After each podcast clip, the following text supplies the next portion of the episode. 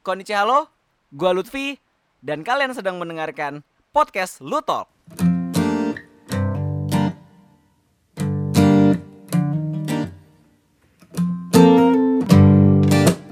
Dan di episode kali ini, episode ketujuh, gue akan membahas sebuah event Jepang, pop Jepang, pop kultur Jepang, Jepangan ya, ya Jepangan juga sih ini hitungannya, yang terbesar se Indonesia yaitu Enichisai. Kayak siapa sih yang kalau misalnya lu demen pop kultur Jepang atau hal-hal berbau Jepang, mau budaya tradisional dan juga budaya modernnya gitu, siapa sih yang nggak tahu Enichisai coy? Kayak itu acara aslinya di Jakarta di area Blok M. Tapi impactnya tuh sampai ke seluruh Indonesia gitu bah ya kalau sampai ke Jepang ya tau lah karena itu kan acaranya kan emang yang bikin kan komunitas uh, orang-orang Jepang yang ada di sana gitu. Cuman se Indonesia tahu bahwa ini tuh acara besar gitu. Kayak ibaratnya hajatan semua event-event Jepangan di Indonesia. Kayak lu mau uh, cosplay ketemunya di sono lu mau ketemu teman-teman komunitas juga ketemunya di sono gitu kan. Kayak, lu mau ngerasain vibe bener-bener Jepang dipindahin ke sana lu ke sono gitu. Atau kalau misal lu males uh, traveling ke Jepang dengan harga tiket yang mahal ya lu kedatang aja kayak Nichisai gitu kan lu bisa mendapatkan uh, semua yang hal berbau Jepang kok sampai boot-bootnya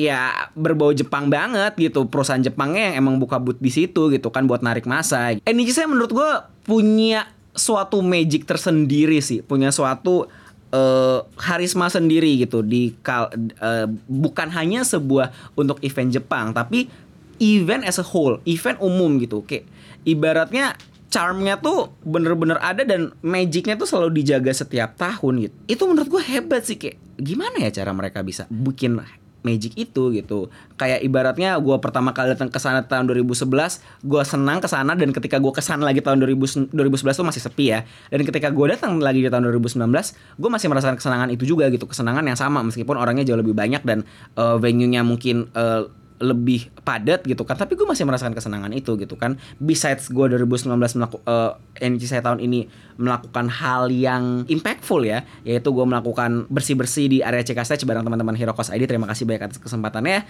Teman-teman Hirokos ID dan juga Jakarta Osoji Club terima kasih banget. Dan yang menurut gue paling menarik adalah dan magicnya dari Enichi saya ini adalah ketika Enichi saya ini mengumumkan untuk tidak diadakan lagi di Blok M tapi awalnya bukan itu beritanya. Awalnya adalah NHSI itu tidak diadakan lagi di tahun 2020. Semua orang langsung kaget kayak, coy ini NHSI terakhir gitu loh. Semua orang langsung kayak, ini beneran kayak gini. Ini beneran NHSI ini 2020 nggak ada gitu. Ya kan? Tapi akhirnya di, uh, diklarifikasi bahwa NHSI-nya masih ada, tapi tempatnya bukan di Blok M gitu. Ada yang bilang juga rehat sejenak gitu kan uh, karena 2020-nya Jepang mau fokus orang-orang Jepangnya mau fokus ke Olimpiade bantu-bantu Olimpiade 2020 gitu kan. Beside that gitu, selain uh, uh, selain itu gitu, menurut gue apa pun alasannya Sai enggak diad mau diadakan tahun depan apa mau dipindah di mana gitu kan ya. Gue berharapnya dipindahnya di area Senayan sih dan Kemayoran sih. Ya at least masih bisa terjangkau lah uh, dari angkot gitu ya kan. Jangan di ICE ya ampun. Ketika Enichi Sai mengumumkan topik seperti itu mengumumkan kabar seperti itu. Kayak semua orang langsung kayak go crazy kayak ibaratnya kayak ya ya ya gimana dong gimana? Dan membuat orang tuh kayak merasa merindukan Enichi saya gitu loh. Kayak ibarat kata bukan bu, bu, bukan hanya ketika mau mau mau vakum aja gitu tapi setiap tahunnya orang tuh uh, merasa bahwa gue harus kayak saya gue harus kayak saya gue harus kayak saya gue harus kayak saya jadi saya tuh kayak acara yang paling panas gitu di untuk para pecinta Jepangan gitu. But why?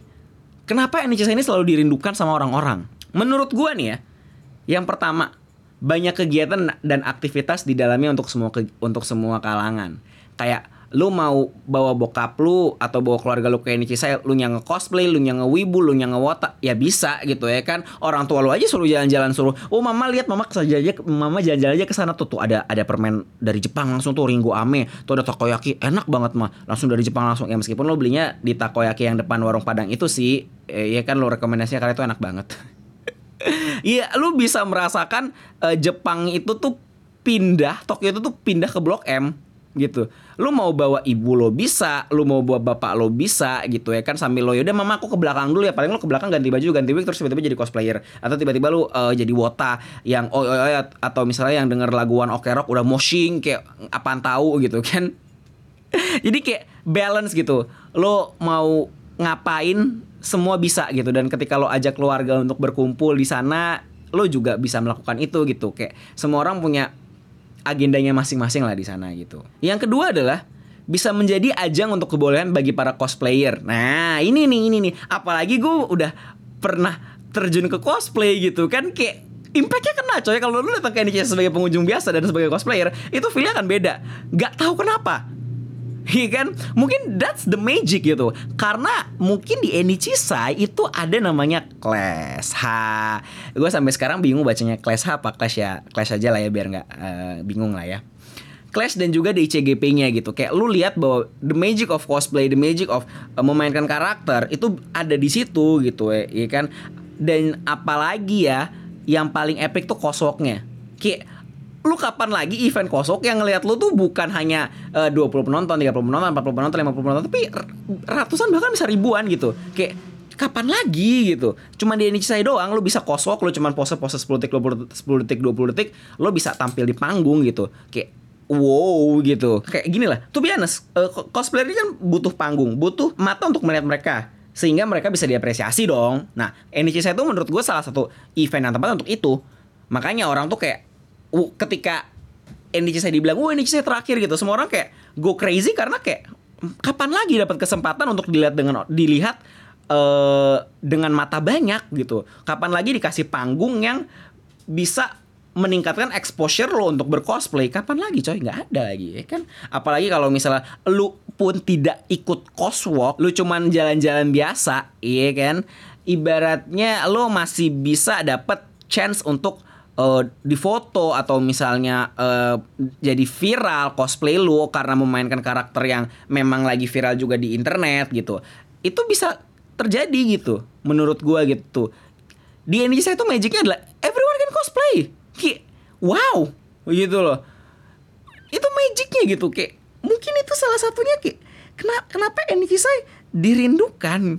Terus yang berikutnya Indonesia itu kayak acara temu kangen gitu loh. Terutama di terutama di Indonesia terakhir ya. Kayak semua orang itu datang dari seluruh Indonesia pengen ketemu pengen meet up di satu event. Kapan lagi? Waktu itu pernah. AVA 2013 AVA 2014 itu peaknya AVA. Jadi kayak semua orang yang dari Kalimantan semua orang dari berbagai macam pelosok Indonesia tuh kayak mau datang ke Ava tapi ya karena Avanya sendiri sudah tidak ada ya dan Ava Magicnya sudah berkurang dari tahun 2015 semenjak tiketnya makin mahal dan dan pindah venue-nya jauh banget dari JCC yang tengah kota tiba-tiba ke J Expo Kemayoran yang ujung ke ujung dan waktu itu 2015 belum ada Gojek, Grab dan kawan-kawan jadi kayak baliknya sangat-sangat mendokusai, baliknya sangat merepotkan gitu.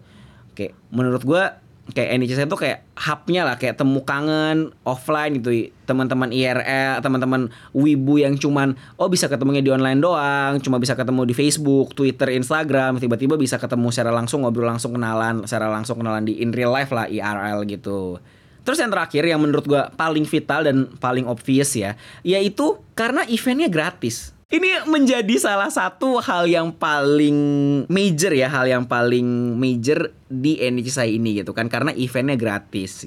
Karena begini, karena begini. Ya, you know, Indonesian gitu. Orang Indonesia suka banget sama hal yang berbau dengan gratis ya kan, nggak berbayar. Oh, suka banget orang Indonesia gitu. Dan NHC ini memberikan medium itu karena eventnya gratis sebenarnya sebenarnya ya tipikal kayak CF yang berbayar pun itu masih ada ada aja masanya. Cuma memang tidak sebanyak kalau eventnya gratis. Yang menarik dari eventnya gratis ini bukan karena eventnya bisa dinikmati oleh siapa saja. Tapi ada hal yang menurut gua lebih besar daripada sebuah event gratis yaitu komunitas Ya, kenapa komunitas ini bisa ada sangkut pautnya dengan event yang gratis gitu? Sekarang gini, ini kejadian ini kejadian di yang gue lihat di Indonesia dari tahun ke tahun ya. Gue itu selalu melihat kalau misalnya lu, lu lihat di area Blok M Square di area luarnya dan di area sekitar ya sisi sisi sisi jalannya lah, sisi sisi luarnya gitu. Di area hmm, sisi luarnya sih luarnya di luar pintu masuk itu setiap tahun dari setiap tahun gitu banyak banget banner yang yang ada komunitas A komunitas anime B komunitas Facebook C D E F G itu kayak berseliweran ngiterin pintu luarnya Blok M Square dan menurut gua itu yang menjadi charmnya dari NCSI setiap grup Facebook, setiap grup Facebook atau setiap grup setiap grup online Instagram atau WhatsApp yang ada di situ mungkin ya kan kalau ada WhatsApp juga sih. Di situ pasti punya member yang lebih dari 100 orang, 200 orang, 300 orang. Coba lu bayangin misalnya satu grup member satu grup Facebook member aja punya member 2000 orang. Yang datang ke Enicisai mampu datang ke Enicisai satu persen aja udah berapa orang? 20 orang, satu persen loh itu. 20 orang datang ke Indonesia itu baru satu, komunitas. Gimana kalau komunitas sebelahnya udah punya 10 ribu member? Satu persen yang datang udah 100 orang. 10, 0,1 0,1 persen ada 10, 10 orang yang datang ke sana gitu. Yang ngelilingin, ngelilingin, ngelilingin spanduk komunitas yang di luar itu gitu. Dan menurut gue ini yang hal yang paling penting di sebuah event komunitas. Karena dengan komunitas akan menambah masa karena pasti mereka ngajak teman-temannya dong kayak weh kita ngumpul nih kita get ini gua rasain juga sih kayak zaman dulu juga gitu kan. Weh kita ngumpul kita gathering offline di Enicisai kapan? Gini gini gini gini gini gini gini. Ya udah yuk siapa yang ke Enicisai bareng? Kuy kuy kuy akhirnya member-member yang aslinya itu tidak di Jakarta di- tidak di Jabodetabek lebih tepatnya akan datang ke Enicisai untuk meet up untuk ngobrol untuk kayak wah akhirnya kita bertemu nih secara eh, real life. Wah kenalkan namaku ini namaku ini. Meskipun eh, at the moment tidak seperti itu sih kenyataannya sih karena mereka pasti akan diem-dieman selama beberapa menit gitu kan. Tapi ya itu gitu. That's that's the power of Enicisai maybe. That's the power of the charm of the Enicisai itself bagi pecinta pop kultur Jepangan ya terutama gitu. Karena komunitasnya gitu. Menurut gue pribadi gitu ini pernah gue bahas juga sih sama Mas Randi di vi- YouTube-nya Jurang Otaku gitu. Salah satu hal yang paling signifikan untuk mendatangkan masa di kalangan para wibu-wibu Indonesia ini adalah dengan mendatangkan banyak komunitas. Atau misalnya ibaratnya nih ya eh eh gue ke Enichisa ini ada yang ada yang meet up di sana yuk sekalian kita ngobrol-ngobrol. Yuk yuk yuk yuk yuk pasti komennya kayak gitu kayak wah aku pengen ketemu banget sama kakak gitu kan. Even even though lu adalah sebuah wibu biasa atau sebuah cosplayer atau sebuah wibu eh, atau atau atau mungkin wibu sekelas Eno Bening gitu kan ya pasti lo akan ke sana gitu.